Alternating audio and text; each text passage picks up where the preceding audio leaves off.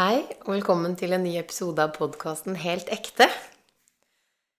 I dag er det julaften for dere som eh, lytter, og jeg ønsker min kjære svoger Lars Skollerud velkommen. Hei! Hei. Kan ikke du fortelle hvem du er?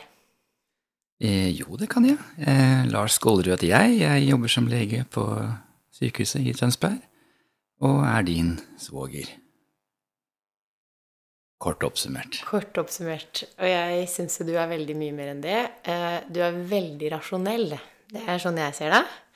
Og så eh, er jeg veldig opptatt av følelser. Så hvis vi i dag eh, Grunnen til at jeg inviterte deg, er at du er Mr. Rational, og jeg er Miss Emotional.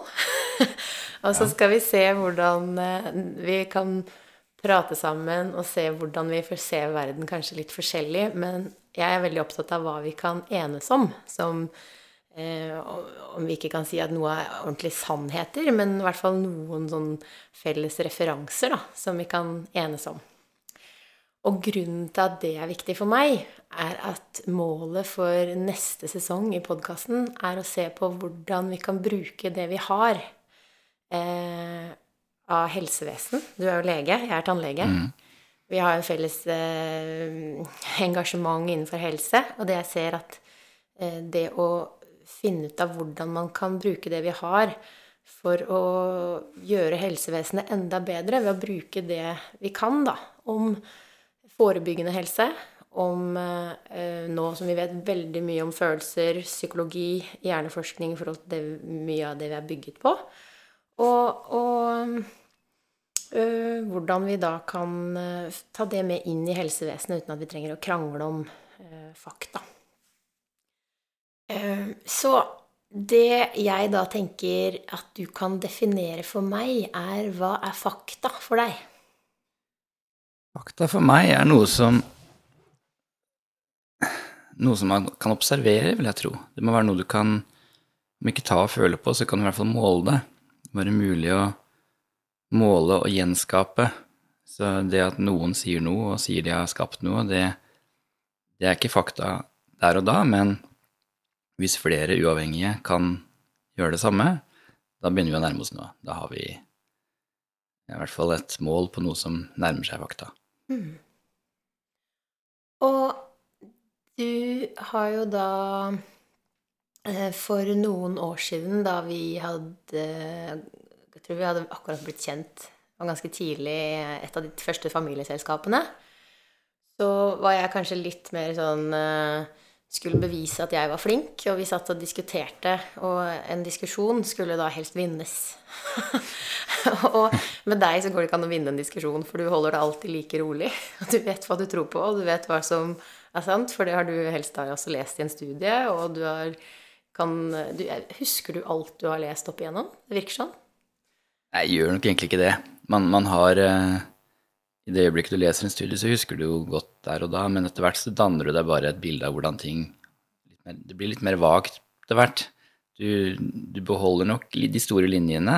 Det blir en del av hva man argumenterer ut ifra, men i det øyeblikket noen spør hvor har du det fra, så må, må jeg nok også må ikke jeg også google det opp eller sjekke i PubMed, eller så finner jeg det igjen, da, som regel. Jeg pleier ikke å forvrenge det. Liker jeg å tro at jeg ikke gjør det. Så ting du leser og tar inn, det danner seg på en måte et trossystem, da. Ja, prøver jo å få det sånn, ja. Ja.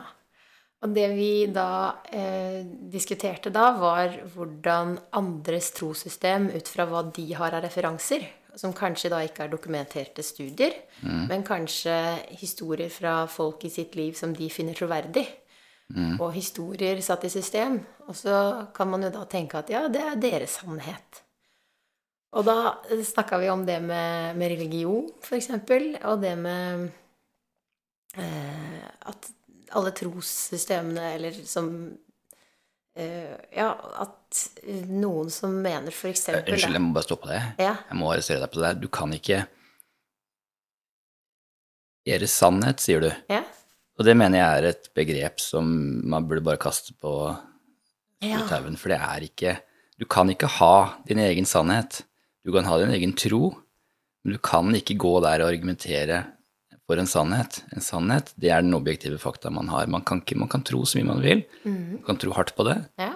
Men du kan ikke ha dine egne fakta, din egen sannhet. Du har, det, er, det er et felles. Det må man på en måte vis servere. Men jeg unnskyld, du kan fortsette. Nei, vet du hva, jeg tror vi hopper av, for da tror jeg vi går inn i helsevesenet med en gang. Ja. okay. For der har jo du en sannhet om at den jobben dere gjør i, i helsevesenet for å reparere, det er jo den øh, og, og sånn som vi har snakka om Jeg er jo veldig på forebyggende helse, og jeg tror jo Mitt trossystem, min sannhet, er jo det at eh, mennesker eh, vil være friske. Og mennesker vil helst eh, jobbe og bidra til samfunnet. Mm. Er det en sannhet, eller er det, er det noe vi kan enes om, eller kan det også diskuteres det Jeg tror det kan diskuteres. Jeg tror, nok, jeg tror nok kanskje mennesker ønsker det beste for seg selv, Ja. og så handler de til en viss grad ut ifra hva de tror er best, men, men eh, altså, når, man, når man ser de pasientene, noen pasienter som kommer inn, som åpenbart kunne tatt andre valg i livet, som kunne unngått situasjonen de er i, de har jo ikke tatt de valgene da, av ulike årsaker, så, så jeg tror man Ja, man ønsker, men man klarer kanskje ikke. Det er jo akkurat det spørsmålet jeg tenker vi må bruke, da. For hvordan, hva er det som ligger til grunn i deres eh, referansepunkter, da? Hvor er det de kunne fått annen opplæring, annen oppfølging, der de kunne sett hva som er bra for seg? For det er en, hvis vi snakker om sånn sannheter, at tenker jo, som menneske, det har jo vært diskutert i filosofi opp igjennom, er mennesket godt, eller er mennesket ondt? Og jeg tenker jo at mennesket er godt. Og så tenker jeg at mennesket vil være friskt, og mennesket vil bidra. Det er sånn utgangspunkt, det å være menneske. Og så sier du ja, på et eller annet sted på veien så har de tatt feil valg.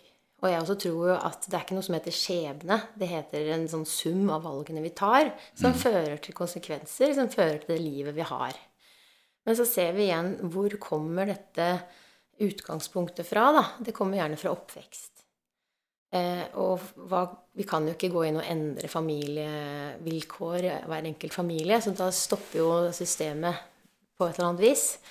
Men hvordan kan vi da formidle den kunnskapen om hva som kan være gode valg som helsepersonell? Det som er styrken, som jeg tenker at jeg har veldig lyst til å fokusere på i dag, er at hvis helsepersonell kunne istedenfor å si at du tok et dårlig valg, det, du er dum, du, ikke, du har ikke gjort de riktige tingene, så kan man se vi som helsepersonell har en mulighet til å påvirke til at de menneskene kan forstå hva som er gode valg for seg, ved å være nysgjerrig på deres virkelighetsoppfatning. Være nysgjerrig på hva som er deres sannheter. Og, og da skjønner jeg hva du mener, at ja, du kan ikke se et alternativ sannhet ut fra at det er andre ting som er rasjonelle for deg. Nei, jeg tror vi hadde en president i USA for noen år siden som hadde en alternativ sannhet på det meste, og det er jo Ja. Og det, det som er jo fortsatt folk som hører på han, som er helt sånn Ja, vi må jo følge han. Eh, og da må vi, jeg tenker da må vi være nysgjerrig på hva er grunnen til at det er sånn. Fordi hvis ikke vi snakker om de forskjellige sannhetene og grunnene til at de opplever det som veldig, veldig sant, så vil det alltid være polariseringer, da. Da vil vi alltid være i to leire som ender opp med å krige, sånn som i Gaza for alltid. Fordi at vi aldri har mulighet til å snakke om en felles referanse.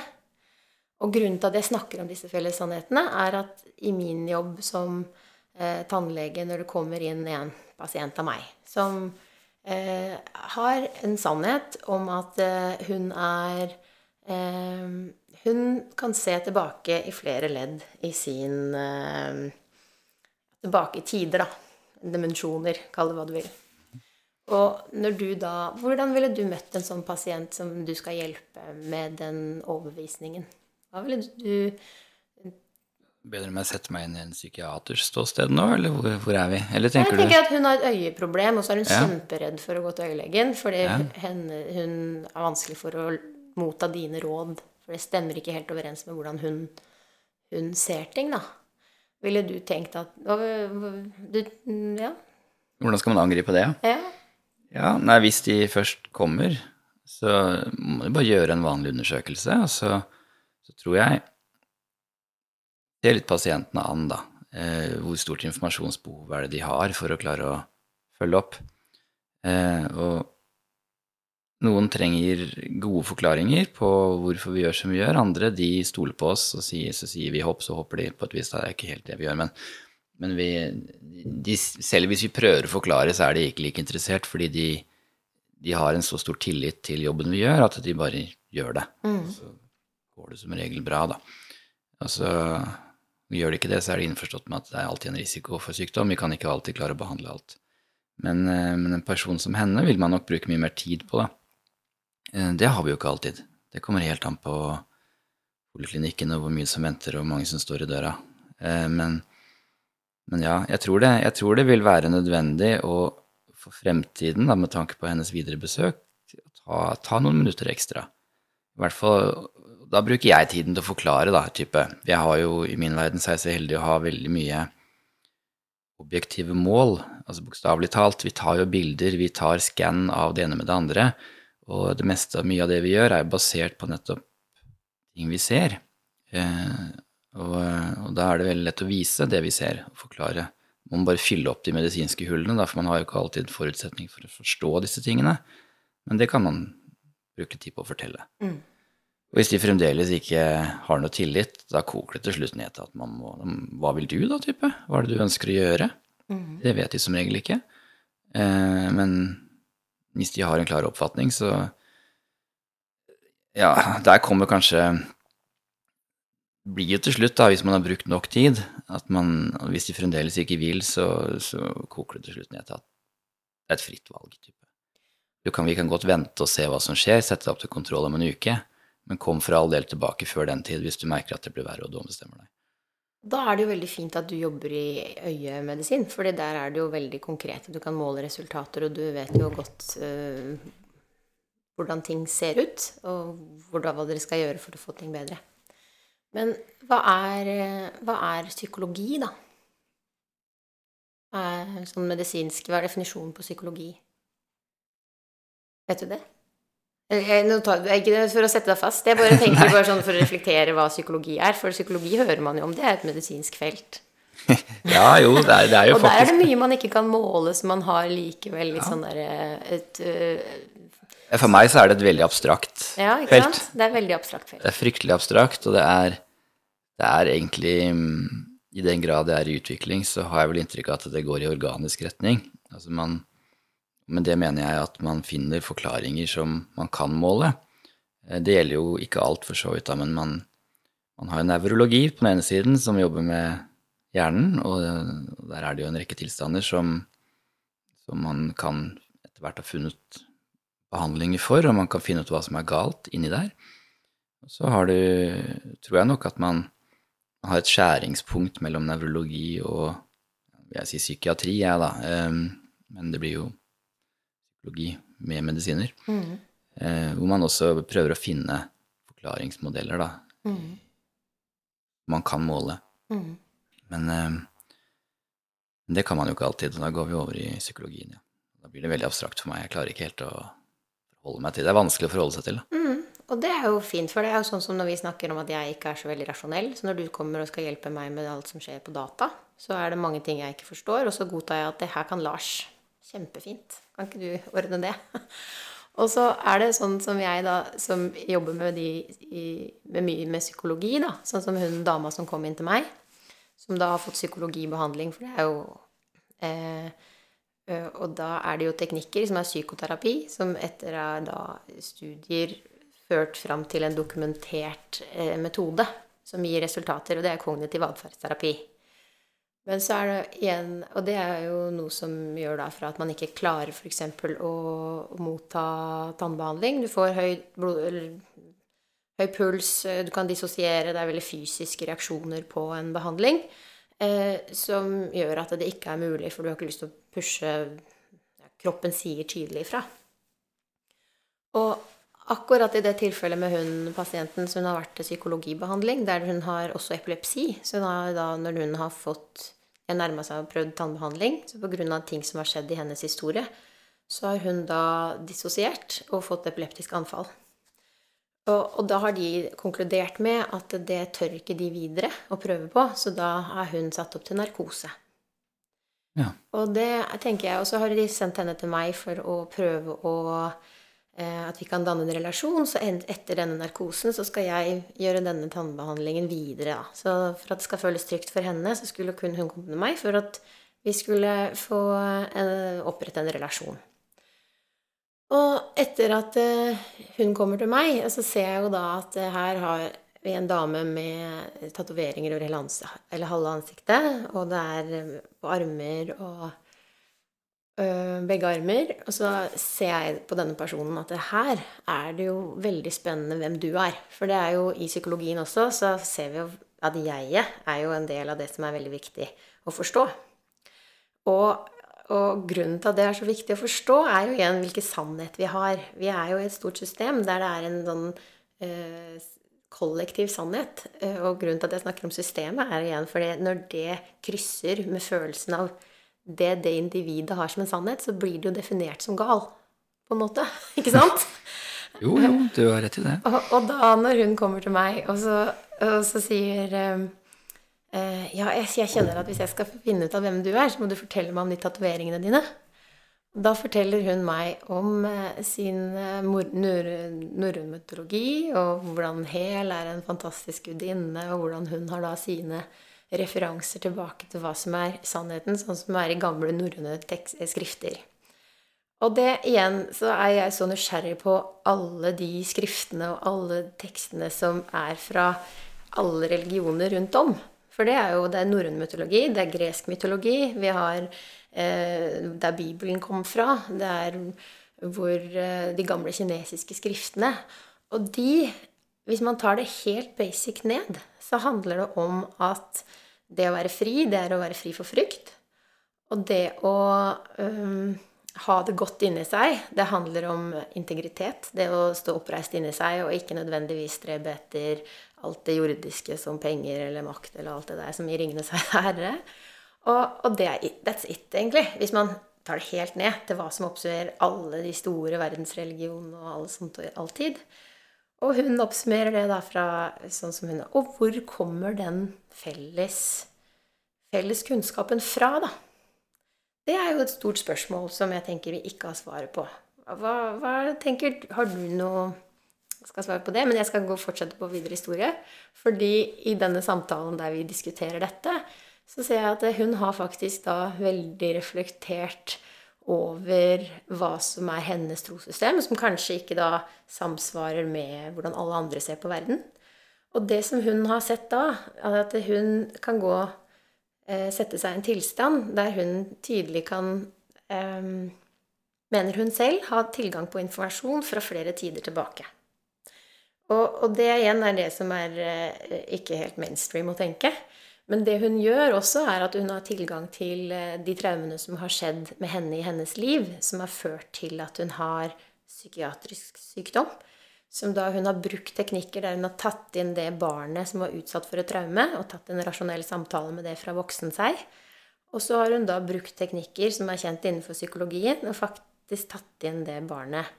Eh, og tatt en prat. Og, altså seg selv som seg barn? Selv, ja. ja. Mm. Og så har hun fått da resultater i psykiatrien som da er journalskrevet at det her er det en som hadde ikke så gode prognoser for å bli frisk, men nå klarer seg bra.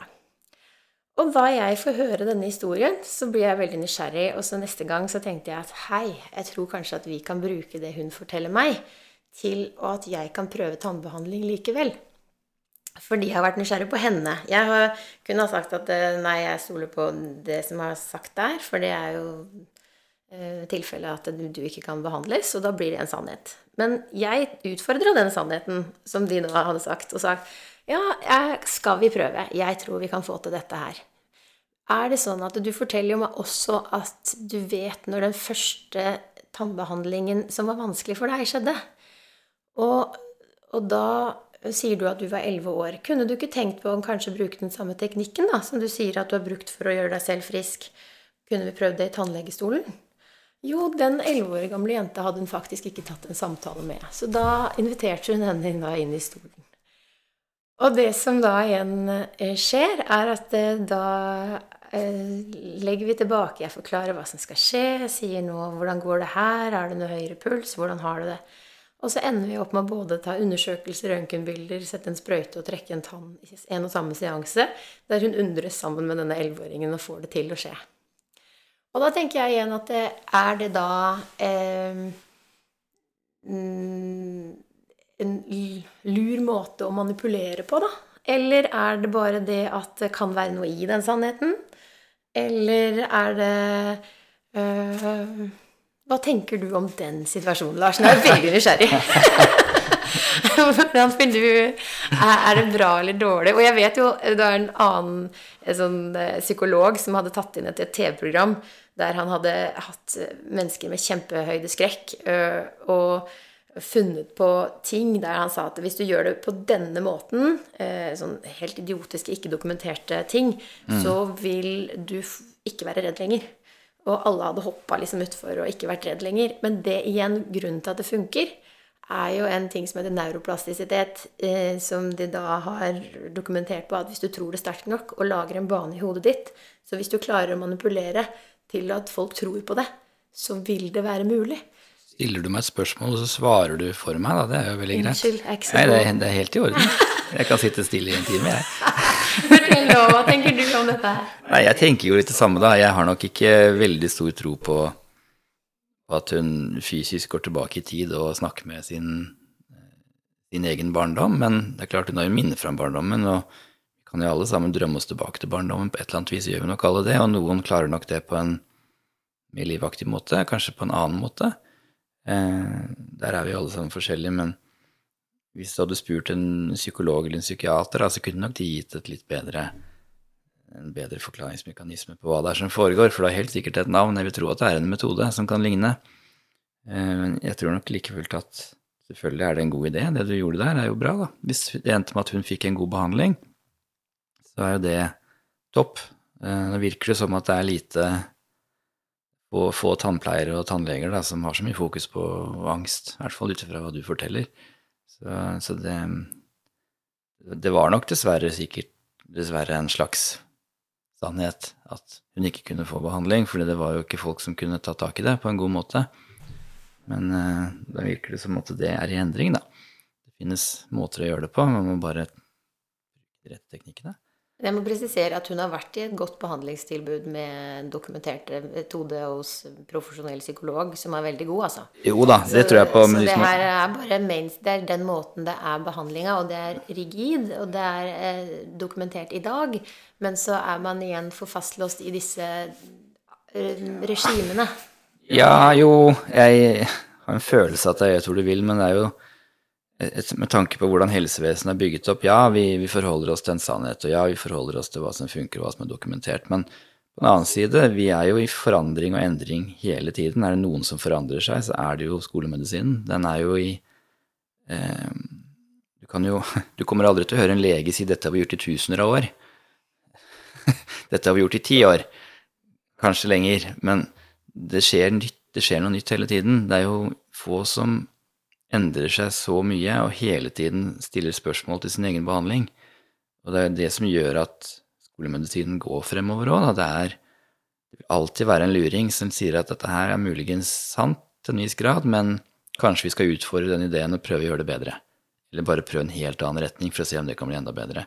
Derfor så ser vi jo store forandringer i alle fagfelt hele tiden innenfor medisinen. Ja, kanskje ikke så mye psykiatrien, for der, der er det igjen ikke så mye å måle. Um, Arrester meg hvis jeg tar feil, men det er en Jeg har en god kompis av meg som er psykiater, og han har vel også sagt litt det samme. Og det er jo en del ulike retninger å gå innen psykologi og psykiatri. Uh, ulike behandlingsmetoder. Men altså, det prøver man seg jo på for å se hva som fungerer, og litt sånn som du har gjort nå, da, ikke sant. Du har tatt en annen tilnærming til denne pasienten enn av hva som har vært forsøkt før, og så fungerte det. Og det er jo suverent. Uh, men jeg tror det er litt vanskeligere, for der har det lite å det hele blir en slags sånn abstrakt greie da, om å prøve å leke litt med sinnet. Eller eksperimentere på sinnet, mens uh, i resten av medisinen så måler vi ting, og vi gjør ting konkret. Hvis det gir mening. Mm. Eh. Men igjen, hvis jeg kan se hvordan man kan reprodusere det uten at det er noe hokus pokus med at jeg har lekt meg inn i dette her, det er jo litt det der med at jeg var nysgjerrig på hvem personen er, før jeg kom med en behandlingsforslag, da. Mm. Og du har jo nevnt for meg, du jobber jo med øye, og der er det mange med diabetes eller med andre livsstilssykdommer som fører til øyeproblemer, ikke sant? Og da igjen syns jo du at det er utfordrende å komme med informasjon om hva de skal gjøre, at de skal lytte til deg og ta disse gode rådene. Mm. Er det tilfellet at det er vanskelig? Det Ja. det, det er det. Så, så grunnen til at jeg tenker at denne måten å jobbe på er viktig å ha kjennskap til, er at jeg tror at det blir så viktig når vi skal formidle helse. Nå vet vi veldig mye om forebyggende helse, og så sier du at medisinske sannheter endrer seg jo hele tiden, og at skolemedisinen utvikler seg. Og så tenker jeg igjen i en sannhet at eh, ja, vi er så opptatt av disse små feltene vi jobber på, at vi skal bare reparere fordi vi ser nye måter å reparere på hele tiden. Og så ser vi også i den andre leiren da, av retningen som mannen, eller broren din er jo kiropraktor, og der er det jo en, ganske sånn Måten han har blitt lært opp til medisin, at det og medisin, det er jo å forebygge helse. Han er veldig opptatt av å forebygge helse. Og, og sånn som han har snakka tidligere, når jeg ser da igjen Torkil Torkel Færø, som har skrevet boka 'Pulskuren', og der klarer vi jo faktisk å se målbart. Det er det som er så fantastisk med den boka, for han klarer å se at det, jeg som er sensitiv og tar inn og kanskje belastes av en, eh, en sosial sammenheng, eh, det belaster mitt nervesystem, mens det ikke belaster deg kanskje på samme måte. Så det kan han da ved en pulsmåling og en pulsvariasjon eh, eh, se forskjellen på hvordan det belaster meg, kontra det belaster deg. Og da tenker jeg at vi ikke er så langt unna hverandre når vi ser at eh, vi vet faktisk hva som belaster helsa vår. Og hvis vi nå vet hvordan vi kan se det målbart, så kan vi også forklare det til pasienten hvis vi lærer å være nysgjerrig på den pasienten som sitter der. Og så si at det ikke bare at du må slutte å røyke, du må begynne å trene, og så må du spise litt bedre. Mens hvis vi da kan være nysgjerrig på hun, da, hva er din sannhet? Hvordan kan eh, jeg hjelpe deg med sånn du er? Og så kan jeg da på en måte sette meg ved siden av henne der vi ser på en, en bok av hva vi ser sammen, som felles referanser for hvordan verden er. Og så kan vi se at ja, hva er det som belaster deg? Hva, hva er det du tenker? Og, og hva er det vi kan gjøre av endringer sånn som du ser det, for at du kan bli så frisk som du ønsker? Og hvis man bare, bare tar litt et, et steg tilbake der vi kan være som behandler og pasient om hva vi kan være enige om, og hvor frisk har du lyst til å bli? Har du faktisk lyst til å ha synet ditt? Kanskje Ja, ikke? Det, har jeg spurt noen om. Ja. ja, hvordan tilnærmer du deg det? Du er, jo- du er jo veldig flink til å prate med folk. Jeg vet at du bruker mye av sånn eh, god samtaleteknikk, du.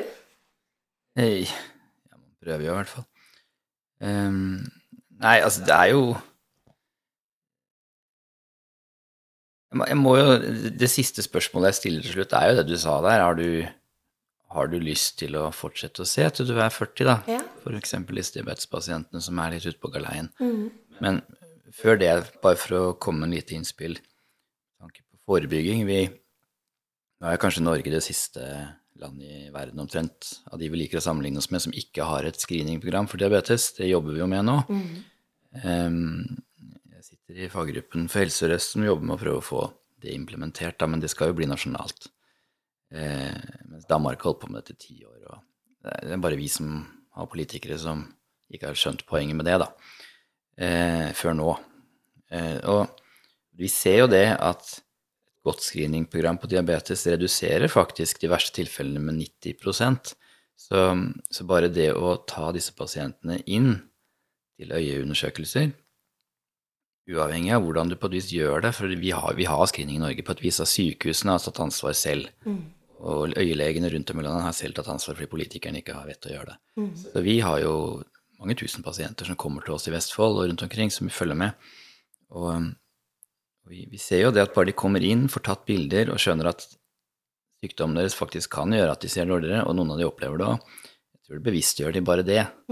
Det er nok derfor vi ser disse tallene. Jeg tror ikke det er den gode samtalen som du snakker om her, da, som utgjør de 90% for det kan jeg i min hverdag si at det har ikke jeg tid til på alle de 1000 pasientene. Mm. Men like fullt så har det en kjempeeffekt. Så, så jeg er veldig glad for at vi omsider skal få mm. det til, da. Når jeg sier omsider, så ser jeg for meg det skjer ingenting før i 2028, men det skjer nå i hvert fall. Det er en plan. Men det som skjer der, er at de faktisk kan se selv. De kan forstå det selv. For Ja. de kan oppleve det selv, denne endringen. Og da er det lettere å tro at ah, det er noe her som jeg faktisk eh, kan få hjelp med. Ja. Før de blir ordentlig Ja, det er kjempebra. Og sånn, Det er jo sånn tannlegen har gjort det alltid. Og vi tar de inn til regelmessige undersøkelser. Og så klarer folk å pusse tenna sine fordi de ikke har lyst på hull. Og det er jo akkurat det dere gjør der.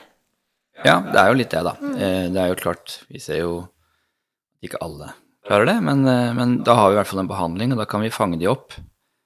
Og, og noen, noen får, en del tar jo omsider grep når de ser vi står med sprøyta i hånda og skal stikke den inn i øyet deres. Da, da skjønner de alvoret. Andre de har skjønt det før den tid.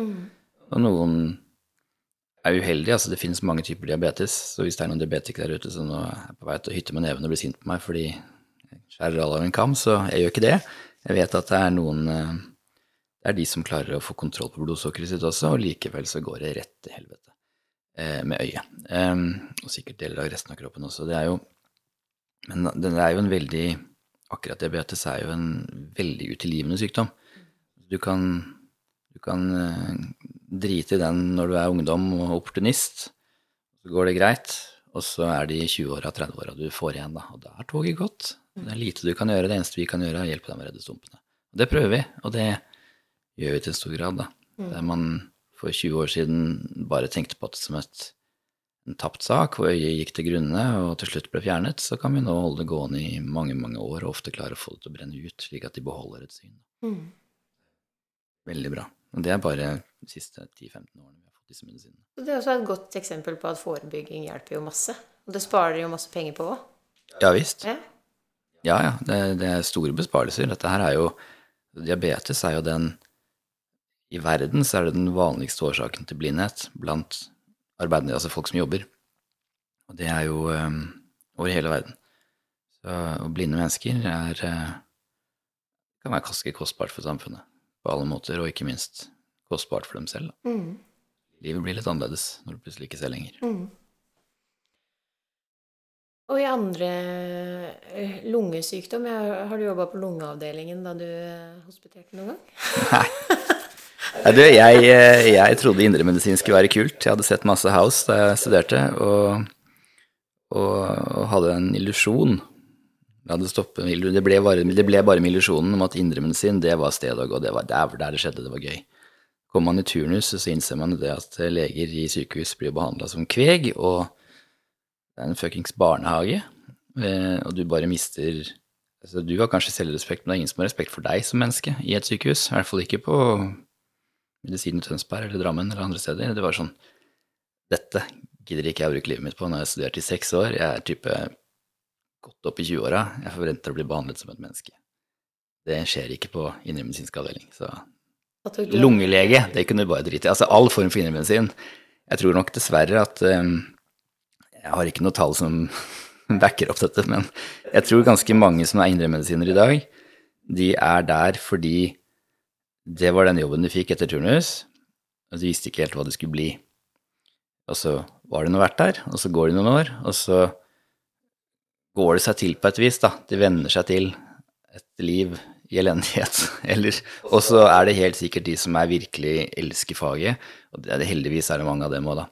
Og alle sammen kjemper jo for å få et godt, et godt system og et helsevesen på sykehuset, men eh, all ære til de som holder ut der, altså. Det, det var ikke noe jeg Og Her går vi inn på psykologien, da, fordi du er innmari god til å sette grenser for deg, og du vet din egen verdi. Mens du hadde jo en kollega og en venninne som eh, var Hvor er det, Hvilken avdeling var det hun jobba på? Hva var historien der? Oi, ja, um, ja Vi var jo ikke venner, for så vidt, eh, men vi, vi gikk i klassen sammen. Det var uh, Maiken Schultz. Hun var jo i Gikk eh, på samme trinn som meg, på medisin i Trondheim. Og så em, kjente jeg henne litt bedre, fordi hun i en god del år var, eh, var kjæreste og samboer med en god kompis. En av mine bedre, beste venner, da. Og, eh, og hun var jo et menneske som nok kanskje ikke var veldig flink til å sette grenser. Eh, og når ingen andre setter de grensene heller, og det er i hvert fall ikke et sykehus, de er jo som en Altså, de bare tar alt de får, og mer til. Eh, gir de fingeren, og de tar hele deg. Eh, og der endte det jo opp med, med selvmord.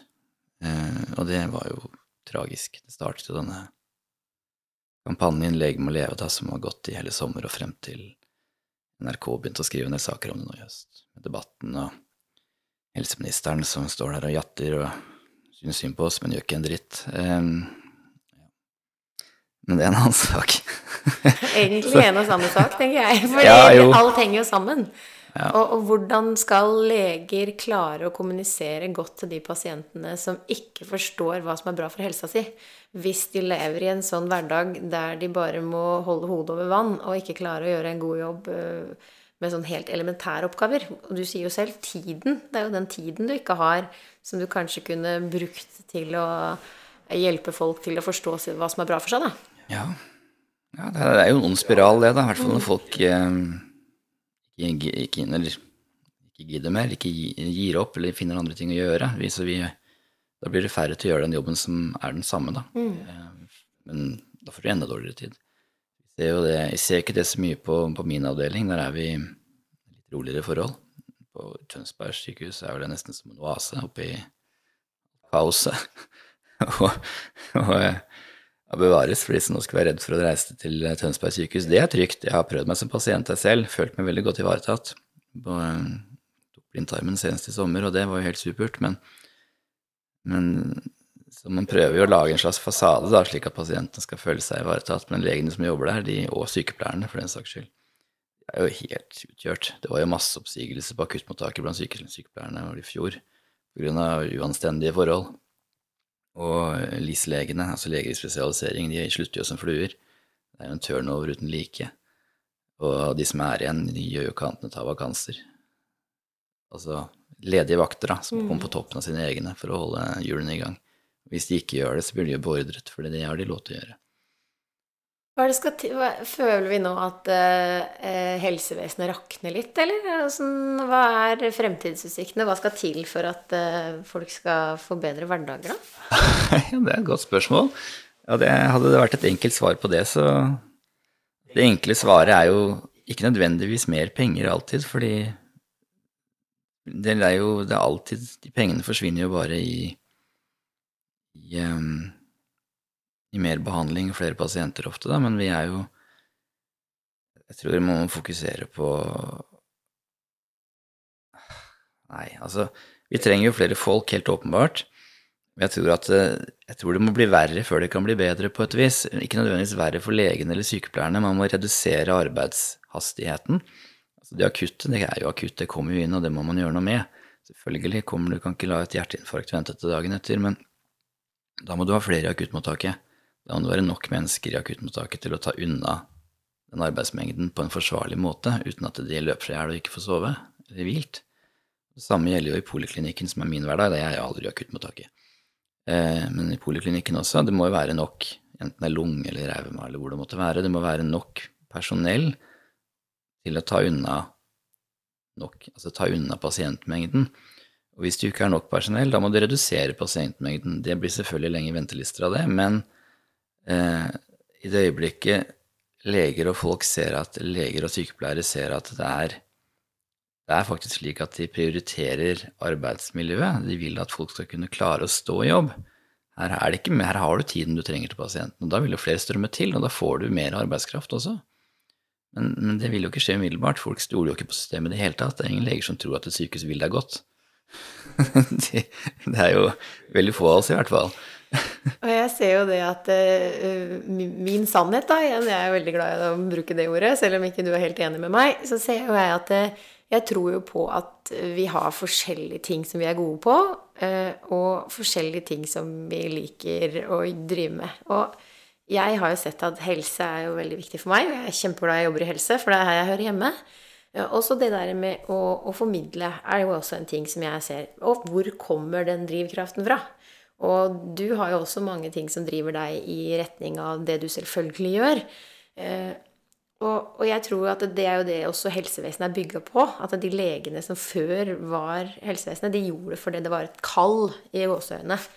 Og nå som eh, alle andre bare blir leger, og så skal de da være mødre, følge opp i barnehager, følge opp hus og hjem, være kone, i tillegg til å jobbe i det der hardkjøret av den tradisjonen det har vært å være lege på et sykehus, som på en måte har vært et kall.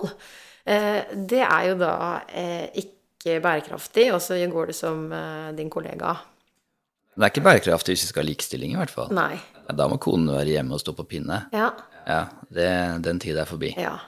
Heldigvis. Og, Så, og, så har jeg da Jeg elsker jo disse pasientene mine, fordi jeg er jo så inspirerende. Men jeg har en veldig kjekk, barsk kar som jeg gjennomskuer som veldig følsom. Det er jo, jeg, jeg tror også du er mer følsom enn du selv aner, men jeg skal ikke drive psykoanalyse på deg. men i hvert fall han her, da. Så, eh, så er jeg litt nysgjerrig på han, da. Så setter jeg seg ned og så spør jeg, hva er det du jobber med igjen? Jo, da han er maskintekniker.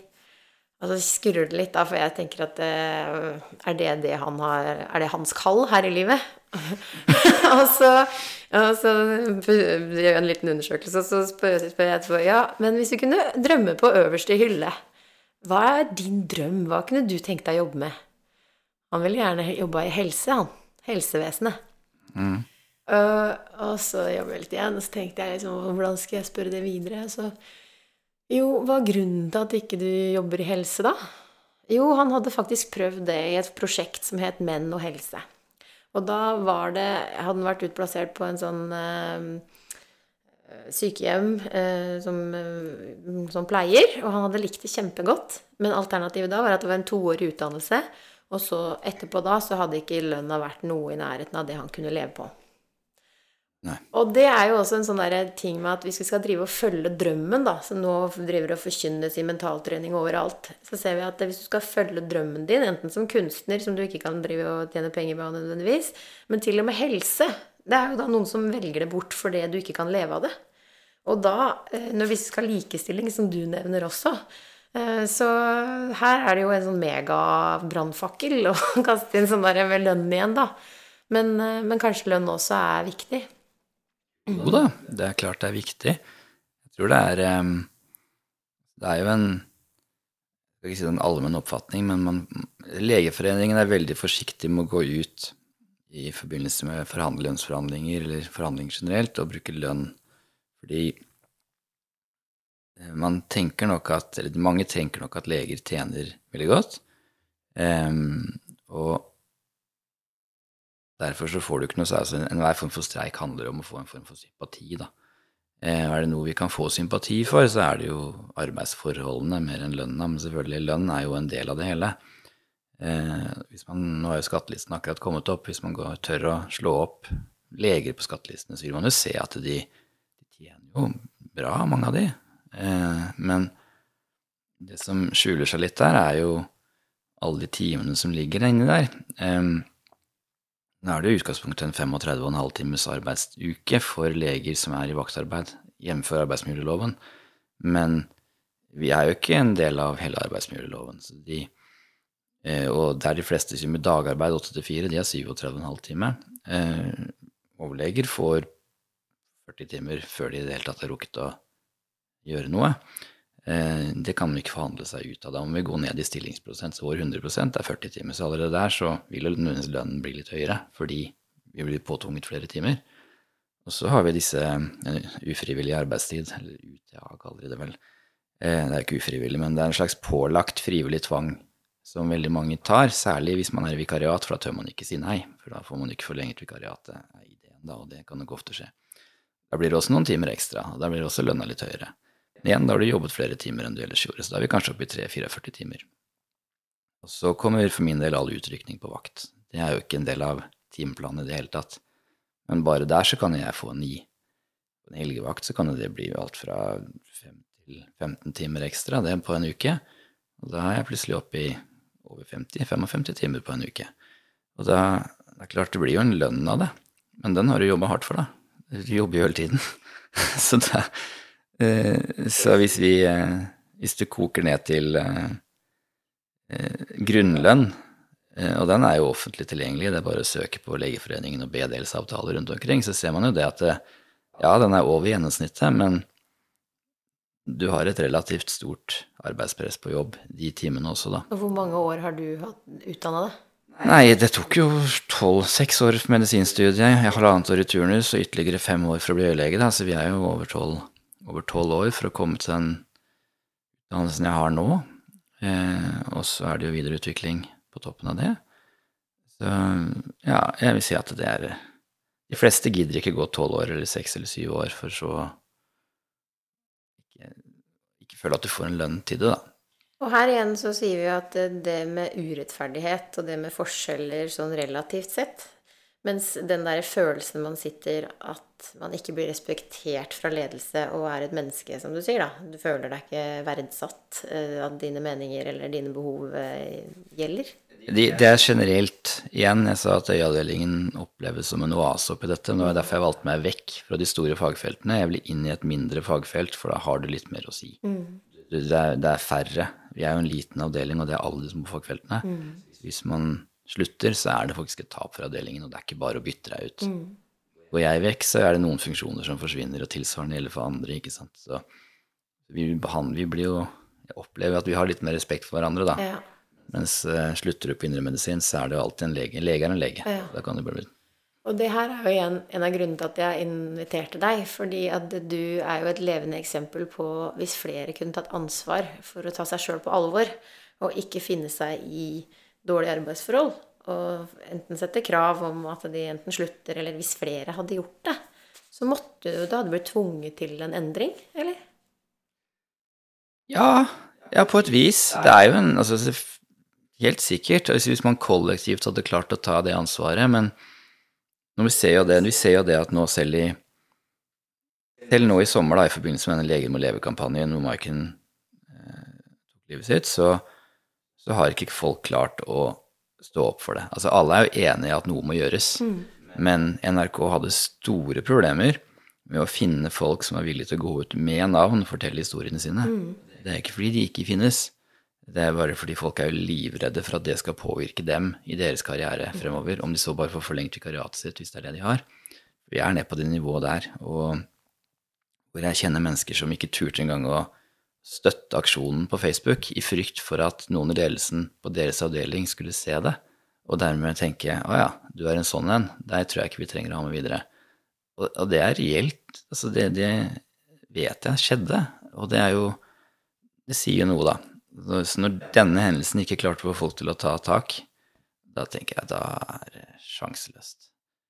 Og det er det ene jeg tenker er så fint her, for det er vi veldig enige om at vi må eh, Det er det jeg ønsker å bidra med i den podkasten. Så når jeg har som mål å trigge nysgjerrighet og spre håp og glede, så høres jo dette her litt sånn deprimerende ut. Det ble, ble veldig mørkt, dette her. Men igjen så har jeg vært akkurat kommet fra juleselskap med familien min, der jeg har så intens troa på enkeltmennesket, da. At hvis vi bare det er så enkelt at hvis alle bare lærer å ta seg sjøl på alvor og stå opp for seg sjøl, så er kanskje ikke løsningen så langt unna. Men når folk er redd for å heve stemmen sin eller bruke stemmen sin, så er den veien langt unna.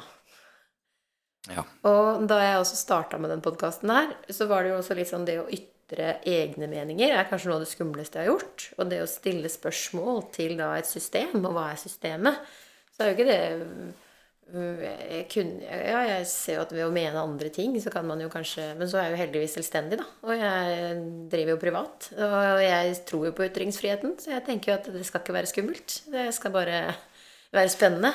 Mm. Så jo mindre vi er redd for, jo mer fri kanskje vi bare blir, da. Ja. Um,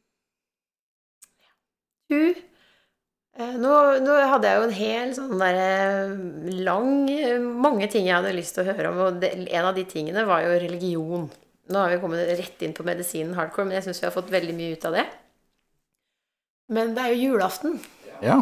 Skal vi hakke litt løs på religionen senere? Høres ut som en god tid. og, og, så er det sånn at det, det å tro på julenissen og det å tro på tannfeen Ja. Det er jo noe som voksne folk stort sett ikke gjør. Ja. Det syns jeg er rart. At vi ikke tror på julenissen og tannfeen? Ja, altså når vi tror på en hvilken som helst annen form for religion, hvorfor ikke julenissen og tannfeen? Ja. Og da har vi en eh, felles uh, fyr vi liker veldig godt, Ricky Gervais. Ja. Så du hva han posta angående uh, julenissen og tannfeen for en stund tilbake? Nei, Hva skrev han? På sosiale medier så er det veldig mange som kommer med støtteerklæringer til enten eh, Israel eller Palestina. Og noen sier jo at det handler jo om menneskene, og det går ikke an å ta side i dette her.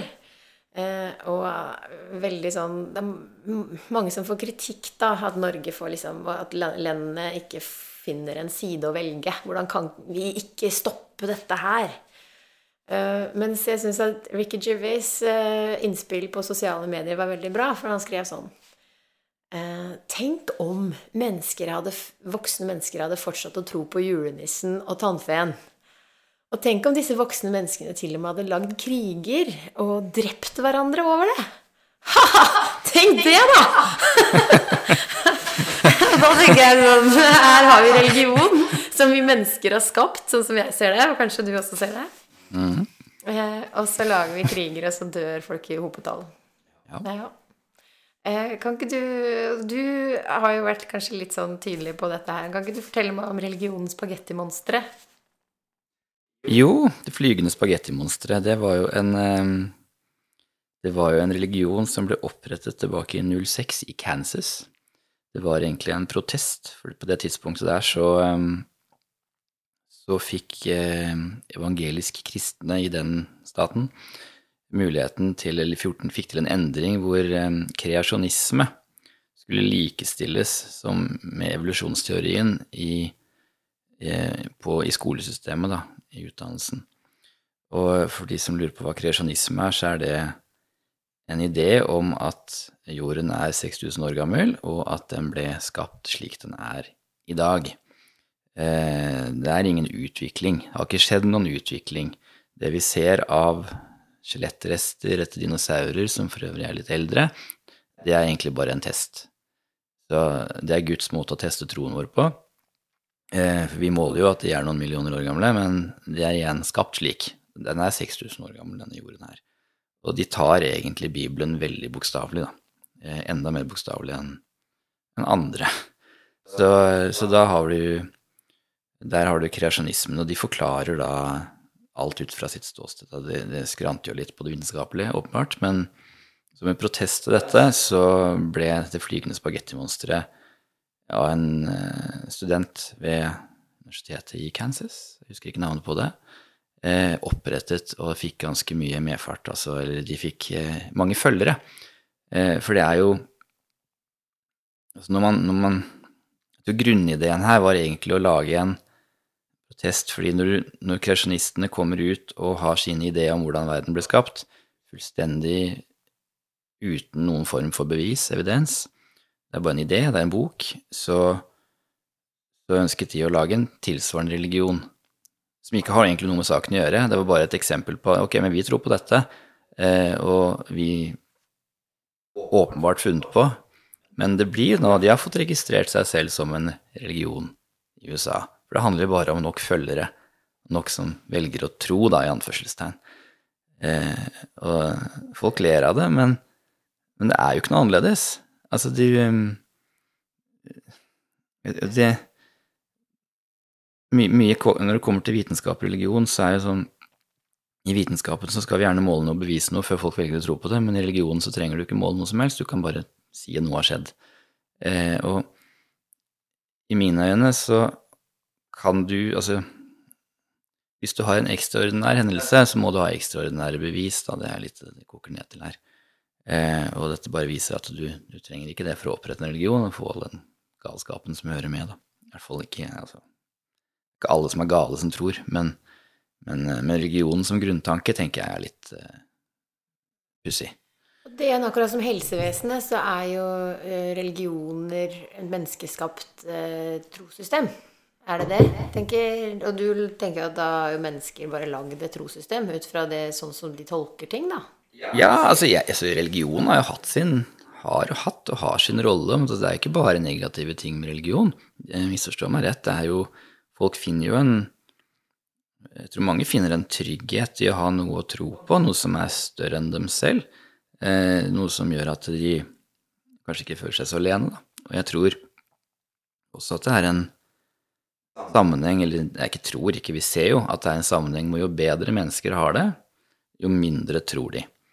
Eh, og det ser vi jo i form av at i Vesten så er USA er kanskje unntaket, men i de fleste vestlige land så er de mer, de er mer og mer sekulære, da. Altså man tror ikke på en gud. Det er jo fordi man har det man trenger. Mens går du sørover, eh, til en del afrikanske land eh, hvor ting kanskje ikke er så fryktelig bra, da skjønner jeg godt at de tror, jeg. Fordi når ting er så jævlig her, da må det jo være noe bedre som kommer. Hvis ikke så er jo alt helt meningsløst. Eh, så ja, det ser ut til å være en ganske stor sammenheng mellom levestandard og religion. Da er det jo veldig rart at når vi har så høy levestandard, at det er så veldig mange som blir psykisk syke, da. Det er jo økende psykiske problemer og økende depresjon og angst og utbrenthet. Og den statistikken går jo ikke i favør av denne teorien om at vi har det bedre, da. Nei, altså tenker jeg at det er to forskjellige ting, jeg, ja, da. Altså det å tro på noe overnaturlig og det å la seg påvirke av samtiden pga. andre ting, i form av spiseforstyrrelser, eh, TikTok og ting som viser en forvrengt virkelighet. Jeg tenker ikke at det er det samme, jeg. For det er jo igjen med tro, da. Og jeg har jo blitt oppvokst i en kristen tro. Og så har jeg også meldt meg ut av statskirka, for jeg tror ikke lenger på den menneskeskapte kristendommen. Men det igjen, når man snakker om hva som er målbart, og hva som er realistisk å tro på, så ser vi jo da på skrifter som kommer fra norrøn mytologi og kinesiske gamle skrifter, og, og, andre steder i verden, som jeg sa i stad, som snakker om det samme. Mm. Og så igjen snakker vi om julenissen. Så jeg tror like mye på julenissen eh, som jeg tror på Gud, men jeg tror kanskje egentlig at det som jeg tror på, da, er det gode i mennesket. Og hvis man da igjen skal klare å tro på det gode mennesket, så er det en forutsetning at mennesker har det godt. Og så tror jeg, som du sier også, jo bedre vi har det, jo mindre har vi behov for å tro på. Men, men da er det jo igjen hva skal til for at vi har det bra på ekte? Og du, som vi snakka også om i stad, du har veldig lett for å sette dine grenser og er trygg og god i deg selv. Mens for de som da ikke har den, det fundamentet og den troen på seg, eh, så er det kanskje lettere å tro på noe annet. Så jeg har jo da i min eh, tanke Hvis mennesker skal ha det bra på ekte, så må vi finne ut av hvordan vi kan hjelpe de til å ha det bra. Og da må de finne ut av hva som er veien sin. ja. Slett Instagram og Jodel, i hvert fall. ja. Og hvordan finne ut av hva som hva, hva, Hvordan visste du hva, Når er det du fant ut av hva du skal drive med? Hva, hva har vært din vei? Hvis du ser litt sånn Og vei, det høres jo veldig religiøst ut, men du har jo vært ganske trygg på deg sjøl og gjort det som Har du følt magefølelse? Du har aldri hørt på noen rundt deg. Du har bare gønna på og gjort din greie, har du ikke det? Eller? Hva har det ført deg til å ta de valgene du har tatt? det er et godt spørsmål. Jeg skulle ikke hjelpe mennesker, i hvert fall. Det var ikke det som var Nei, altså Da jeg eh, Jeg var jo ikke noe spesielt skoleflink på barneskolen i det hele tatt. Jeg tror jeg fikk et slags konkurranseinstinkt da jeg kom på ungdomsskolen. Da fikk jeg plutselig karakterer på det jeg gjorde, og det var jo spennende. Så jeg får karakterer, da, for det var i hvert fall det som vekket meg. Um, mener at man må ha et mål for å vite om den ligger. Uh, og så er jeg for så vidt også for at man skal, man skal ikke behandle alle likt på skolen. Man skal faktisk gi folk den støtten de trenger. Er det noen som er dritgode i matte, så gi de ekstra matteundervisning. Eh, er det noen som trenger ekstra Ikke sett i den der klassen med bare sekserelever, da. Sett i en klasse hvor vi sikter på fire. Så slipper de å falle gjennom og få to, eh, fordi de skulle kverne alle sammen gjennom det samme. Men eh, Så alle kan få litt mestringsfølelse. Men jeg tror nok jeg fant Man kommer på videregående, og så går du Karakterene blir bra, da. Så fant jeg vel ut at medisinen var spennende, mest fordi kroppen var en fascinerende greie eh, var på en yrkesmesse hvor jeg møtte noen mennesker som ikke visste bedre enn meg selv der og da, som studerte medisin, og det var så flott og hei og hei og hvor moro det var. Eh, det er klart jeg ville aldri studert medisin igjen, det skal jo sies. Eh, altså, fordi den veien jeg har gått, eh, baserer seg mye på man er heldig også, og får en jobb innenfor akkurat øyet, da, som jeg jobber med. Men vi er jo en veldig liten gruppe i den store sammenhengen. altså alle legene som er utdannet, de aller, aller fleste havner jo i steder jeg ikke ville likt å være. Eh, så jeg kjenner egentlig veldig få leger som ville valgt å bli lege på nytt. I hvert fall ikke anbefale barna sine å bli det. Eh, så det er litt trist, egentlig. Men, eh, men da det kom til stykket, så hadde jeg bestemt meg for to ting. Det ene var at medisin var spennende, men jeg ville studere i Norge. Jeg var ikke interessert i å reise utenlands for å studere. Eh, ikke fordi at jeg syns det er feil å reise utenlands. Jeg eh, syns jo det er du gira og vil, så kult. Og, og har jo selv vært mye ute og elsker å reise, men jeg ville nå studere i Norge, da. Så da hadde jeg medisin på toppen, og så hadde jeg faktisk nanoteknologi. Eller jeg hadde mikroelektronikk, da. Det fantes ikke nanotek på den tiden. Som ingeniør på andre valget mitt. Eh, med da planen master i nanotek, og så meg selv med hvit frakk på et eller annet Intel-laboratorium utvikle nye CPU-prosessorer til PC-er, og det syns jeg virket vel så moro som medisin. Men så ble det medisin. Og så ble det House, og så ble det Interest. Så virket indremedisin gøy, og resten av historien fikk i stad. Det er jo gøy på å se hvordan man havner der man havner, og så gjør du det andre som hobby, da. Og så bruker du kanskje den forståelsen av det tekniske også i jobben din ganske mye, og kan være en ressurs for utvikling, da. Her gjør jeg det. Mm. For vi har Øyet er jo veldig tech-drevet. Tech ja. Det er så mye gadgets og stæsj som, eh, som man kan velge å bruke uten å skjønne. Eh, eller man kan prøve å forstå systemene også, da. Ja. Styrker og svakheter, og det er jo ja.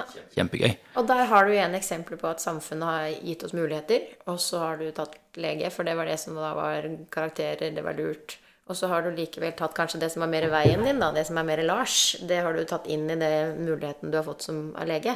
Og når du sier at det er litt sånn flaks at du har havna der du har gjort, så er jo ikke det flaks. Du har jo tatt aktive valg og ja, dratt til Bodø, som ikke ja, var det feteste verdensnavlet akkurat da?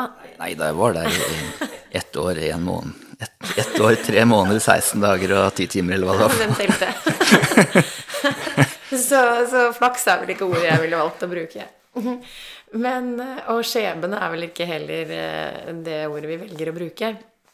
Nei da, når jeg først var stuck og brukt seks og syv og et halvt år av livet mitt på å bli lege, ja så var jo ideen at jeg skulle fortsette å være det. Ja. Um, og da kunne jeg jo like så godt bruke et år til for å prøve å komme meg inn på den rette veien innenfor medisinen, som var rett for meg, da, i hvert fall. Men, uh, men vet du hva? Når det kommer til akkurat det der, jeg tror altfor mange mennesker kaster bort livet sitt på, uferdig, på å gjøre ferdig prosjekter som de burde ha kutta ut for lenge siden. Uh, og jeg har kjempestor effekt en, for en klassekompis av meg som, eh, som, eh, studerte medisin med meg. Han var tidligere Han kom litt seint i gang med medisinen. Han hadde studert noe eh, ingeniørgreier før det, uten å huske akkurat hva det var. Og så studerte han medisin. Vi gikk samme klasse i fire år. Og så tror jeg han strøk på én muntlig eksamen den i fjerde klasse, og det var dråpen. Da var han lei. Det var ikke fordi han ikke hadde lyst til å ta opp en eksamen, det, det var en muntlig eksamen, det kan man alltid gjøre på nytt, men han var bare Han hadde skjønt at dette her var ikke hans greie, så han slutta etter fire år. Og gikk tilbake til eh, en ingeniørgrad og fullførte den, og har det supert i dag. Og det å Han gjorde jo det motsatte av det aller, aller fleste de fleste av oss gjør. Vi, vi, vi er jo lagd sånn at vi lagd. Det er vi ikke. Vi har utviklet oss til å bli sånn. Eller samfunnet har utviklet oss til å bli ja, sånn. altså, vi starter på et prosjekt, og vi blir der. Og jo lenger tid vi har blitt der, jo lenger holder vi på. Det er litt sånn. Jeg ser for meg løpet til veldig mange mennesker som har studert medisin. Det er som dette her. De gjør det bra på videregående, og så kommer de til tredje klasse, og så sier de å ja, jeg har gode karakterer, de må jeg jo bruke til noe. Og så blir det i stedet for at de velger å gjøre det som kanskje er gøy, så velger de å studere medisin, for det vet de er prestisjefylt og det vanskeligste de kan komme inn på i Norge. Eller noe av det vanskeligste. Og så begynner de på medisin, og så er jo det noe dritt. Da har de holdt på med det i, i tre år, da, og så var det overhodet ikke det de ønsket å gjøre. Men ja, nå har jeg brukt tre år av livet mitt på det, jeg må i hvert fall fullføre graden. Altså, de er halvveis. De skal, de skal jo, og nå sannsynligvis 24 år. De kunne begynt på en annen utdannelse og fått noe ut av livet sitt. I stedet så velger de å fullføre medisinstudiet. Da har de gått seks år. Og ja, nå får de for så vidt en grad, men de er jo ikke ferdig med turnus, de har ikke lisens til å jobbe. Så ja, nå har jeg brukt seks år av livet mitt på medisin, nå må jeg jaggu Jeg må få ta turnus, da, så jeg får lisensen og alt på plass. Og da har brukt syv og et halvt år, da. Og hva nå, liksom? Og, og da Ja, nå har jeg jo Nå bør jeg i hvert fall prøve på noe. Og så går de inn i ja, la oss si indremedisin, for de vet ikke hva det skal bli. Og så blir de da Jeg vil si de blir miserable. Altså, de, de får jo da en sånn passe fornøyd hverdag til misfornøyd, og, og sånn skal de leve livet sitt, da. Og jeg tror mange gjør sånne valg, ikke bare innenfor utdannelse, men mye. Man har brukt mye tid, og man evner ikke å bare kutte ut og gå videre med livet. Altså, man, man har jo bare levd Jeg tror kanskje tre år av livet er mye når man er 24 år, men hvis vi tenker på at vi skal leve i 70, så er de tre årene Det er, så, det er ikke noe med tanke på mye tid fremover du kaster bort da, på å gjøre et valg som definerer resten av livet ditt. Og her kan man jo diskutere hva som er rasjonelt. Hva er et rasjonelt valg? Da må man jo ikke, ja, det er i hvert fall ikke et rasjonelt valg. Fordi da snakker du jo om magefølelse. Det er jo en følelse faktisk som styrer det valget om å fullføre eller ikke. Fordi det rasjonelle sett utenfra med penger og trygghet og alle behov for å få dekket det du trenger, så er det jo et rasjonelt valg å fullføre utdannelse. Men hvis man da faktisk lar følelsen på at dette her ikke er noe som interesserer meg, det er jo en følelse, så da går du på et følelsesstyrt valg, da. Ut, uh, Ja, jeg er ikke helt med på den, altså. Nei. Fordi det rasjonelle er jo altså Til syvende og sist ønsker vi å ha det bra her i livet. Vi, ønsker å, vi ønsker å være fornøyd med hverdagen vår og kunne våkne opp og tenke at nå skal jeg gjøre noe som er litt interessant. Du har ikke lyst til å våkne opp og tenke åh, fem dager til helg. Det er jo, det er jo fryktelig slitsomt. Så er, du trenger så, Her er det jo mye følelser i hvordan du tilnærmer jobben din, da. Ja. Ja, jo, men, altså, men hvis en jobb er interessant og god, så, så blir jo det, det Det er det beste. Hvis du kan komme på jobb og være glad og fornøyd og drive med noe du syns er gøy. Eh, og hvis du allerede midtveis i et studie, irrelevant hvilket, skjønner at det her var egentlig ikke det her var ikke bra, og så vil noen besserwissere si at ja, men du veit jo ikke hva det går til før du har satt deg inn i det. Nei, nei, men like fullt, da. Det er eh, Du får jo en viss idé. Mm. og da tenker jeg at jeg tror mange, Det rasjonelle da er jo egentlig å tenke at jeg har lyst til å ha det best mulig i livet. Jeg ønsker å gjøre noe annet. Og, og nå vil jeg ikke argumentere for at man skal prøve fem, seks, syv studier før man kommer videre, for det vil jeg igjen tenke at det har ikke samfunnet vårt råd til. Altså For all del i en ideell verden hvor ingenting kostet penger, så greit, men jeg syns folk i større grad kanskje burde, ikke bare på studier, men i livet generelt, være flinke til å stoppe, da. Eh, Og, og vende om før det er for seint. Ikke la det gå prestisje i absolutt alt man gjør. For det er det som, Jeg tror det er litt sånn psykologisk. da. Vi, det blir prestisje. Det blir sånn Hva vil de andre tenke? Jeg ga opp. Og jeg tenker jo det du snakker om, at man lytter til seg selv. Så det kan vi være enige om. At Ja, det det, å lytte til seg selv, og det er jo hvor den stemmen kommer fra når man skal lytte til seg selv, det er jo det store spørsmålet som vi egentlig ikke har svar på. da. Hvor kommer den stemmen fra? Ikke svar på det. er jo sinnet ditt. Jeg forstår ikke Hvorfor skal det være så abstrakt? Nei, det er jo igjen fordi Hvis man tenker på hvor religionen kommer fra, så er det de, de tingene som øh, Når jeg driver og undersøker litt nærmere på mental trening, så blir det litt sånn Ja, øh, vi skal lytte til magefølelsen vår og til intuisjonen vår.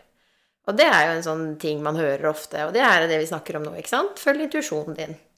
Og da er jo det igjen som filosofer har grubla på i mange år. Hva er sjel? Hva er intuisjon? Hvor kommer den fra? Og det er jo det som jeg tenker da, som vi egentlig ikke har svaret på. Og derfor har jo jeg, sånn som jeg ser det, mennesker hatt behov for å finne opp religion i all tid. For at vi skal ikke finne svaret på dette her. Og så lener vi oss på idé om at det er en gud som bestemmer for oss, da. Men det jeg da også syns at det er veldig gøy at vi har snakka litt om, er at vi er jo enige om at det er eh, noe som vi driver oss. Og at det er lurt å lytte til det. Ja, Det er vi enige om. det er vi enige om. Og så kan jeg være enig om at jeg er nysgjerrig på hvor den drivkraften kommer fra. Og at det er på en måte man kan kalle det en kvantitativ studie eller kvalitativ studie, så er det i hvert fall det jeg skal gruble på i neste sesong av denne podkasten. Og grunnen til at jeg også ville ha deg der Nå gikk din mikrofon ut, så da snur vi sånn her. Eh, Det jeg ønsker da med denne podkasten, er jo å at jeg er redd for å havne over i en sånn alternativ boks. Ja. Så, så det er jo det som jeg prøver å, å For det er jo eh, alternativt, og så er det liksom det dokumenterte. Men jeg tror jo at uh, sannheten er noe midt imellom. Og igjen uh, sannheten som vi ser, og som vi kan ta og føle på i, i, uh, i Litt vololo og litt realisme. Litt uh, rasjonalisme, nei. Men, men du er jo veldig um, håndfast, og alt skal måles. Samtidig så kan du jo ikke måle hva som er rett for ethvert enkelt menneske. Nei, nei. Nei. Mens da er det jo noen som f.eks. Human Design, som var en sånn podkast jeg hadde her for litt siden, der de mener at de har da eh, stjernebilder og horoscopes. Det er jo noe han er veldig narr av, han der Ricky Gervais. Det er noe av det teiteste jeg vet. Men igjen, når vi ser at ja, det var ikke riktig for eh, kompisen din å gå på medisinstudiet, da. Eh, Det hadde vært veldig spennende å lese hans human design-kart, som er da fra universet, som kanskje har kalkulert at eh, hans oppgave var noe helt annet. Og det er jo det som jeg aktivt ikke prater med deg om i denne podkasten, for jeg vet jo hva ditt syn på det er. Altså, human design vet jeg ikke hva er for noe engang. Jeg vet jo hva horoskop er. Og det er jo spennende. Der har man jo allerede gjort studier. Man kan jo fint Du kan jo gi et hvilket som helst horoskop til hvem som helst, og de vil jo kjenne seg igjen, for du vil jo lete etter noe som passer akkurat deg. De er jo så generisk skrevet at det passer for alle. Du må bare, Så lenge du ikke vet hvilket stjernetegn det er skrevet for, så passer det deg. Alle har lyst til å lete etter litt positivitet og litt negativitet. Og ja, ja, ja, jeg er kanskje litt åpen mot mennesker. Nei, i dag hadde jeg en tung dag. Altså det, det er alltid det skrevet på en måte som gjør at alle vil finne noe, og så passer det. Og så tenker jeg også at selv om det er julaften og vi skulle gi litt håp, eh, så vet jeg at det er øh, Hvis vi kan klare å la folk tro på det de vil, da. For det er jo I en håpløs verden så er det faktisk ganske fint å tro på noe. For noen. For noen. Du, og så er det fint for andre å vite. Ja, ja, jo, for all del, så lenge det ikke går utover andre mennesker. Ja. Det øyeblikket du kan, Hvis du klarer å holde politikk og tro fra hverandre, Ja. og ikke minst holde tro fra alle andre mennesker Ja. Altså, la folk, enten det er abortdebatt eller hva det måtte være, ikke bland troen din inn i meningsytringen når du skal tvinge andre mennesker, eller Nei. påføre andre mennesker et valg, eller en måte å leve på. Da, derfor er jeg, jeg er jo sånn sett sterkt imot alle partier som har et religiøst utgangspunkt, for jeg mener at religion i politikk burde ikke vært lov. Men vi har jo KrF. Og det mener jeg, og sikkert andre også som mener med, ja, de har jo mer ekstreme folk også. Så er det jo i Norges kultur og kulturarv så har vi jo på en måte opplæring fra en religion som ligger til Ja, grunn for alle de systemene som er, i på en eller annen grad. Ja, og, og jeg er ikke fremme Altså, kulturarven vår er jo det. Det er lov å ha et, eh, et eh, forhold til den. Man må anerkjenne at religion har vært med på å forme samfunnet vi har i dag. Eh, På godt og vondt. Det er jo greit nok. Men, men det er bare historie. Jeg ser jo på religion mer som en historie. Det er en historiefortelling i så måte. Men um, for all del, ja. Hvis det gir deg mening, så Ja, ja, det gjør det. Og det men også sånn som du sier, også det å respektere seg selv. Og det å ha respekt for seg selv, og ikke være så redd for at hva alle andre skal mene om en. da. Og det at eh, hvis, sånn som eh, Ricky Gervais igjen, hvordan han snakker om hvordan alle blir krenka av at f.eks. hvis du skal ytre ditt synspunkt på religion, eh, hvordan da kanskje de som er trygge på sin tro, ikke blir provosert av det. For det burde jo egentlig bare være det samme. Og det samme som i min overbevisning om hva som er min tro. Det har jeg liksom ikke noe behov for å dele eller prakke på andre. Fordi det er jo en eh, hvilken sannhet eller så, så, så er det irrelevant så lenge vi kan forholde oss til det vi kan være enige om. Og, og la det styre valgene vi tar i fellesskap. Da. Så kommer vi kanskje god vei. Ja, det funker det. Men så er jo dessverre noen av disse religionene misjonerende religioner, da. Ja. Kristendom inkludert. Så du, det ligger litt i kortet at de skal prøve å prakke det på noen. Ja. Og det syns jeg er litt dumt, da. det, Så da er det bedre å tro på julenissen, som jeg, jeg sier er lik det Ja. gode mennesket. ja, ja, jeg tror kanskje det er bedre. Ja. Jeg syns du heller skal starte en bevegelse der, jeg. Ja. Voksne mennesker som tror på julenissen. Ja, men det, da Det var velkommen til denne grunnlag... grunnleggelsesmøtet av eh, Cecilie-religionen, som har julenissen som den største gud. Ja. God plan. Og med det så tusen takk for besøket og en fin prat. Og eh, god jul. Og om ikke julenissen kommer på døra, så er han der eh, inni deg som eh, det gode du har å spre til eh, alle menneskene rundt deg. God jul. God jul!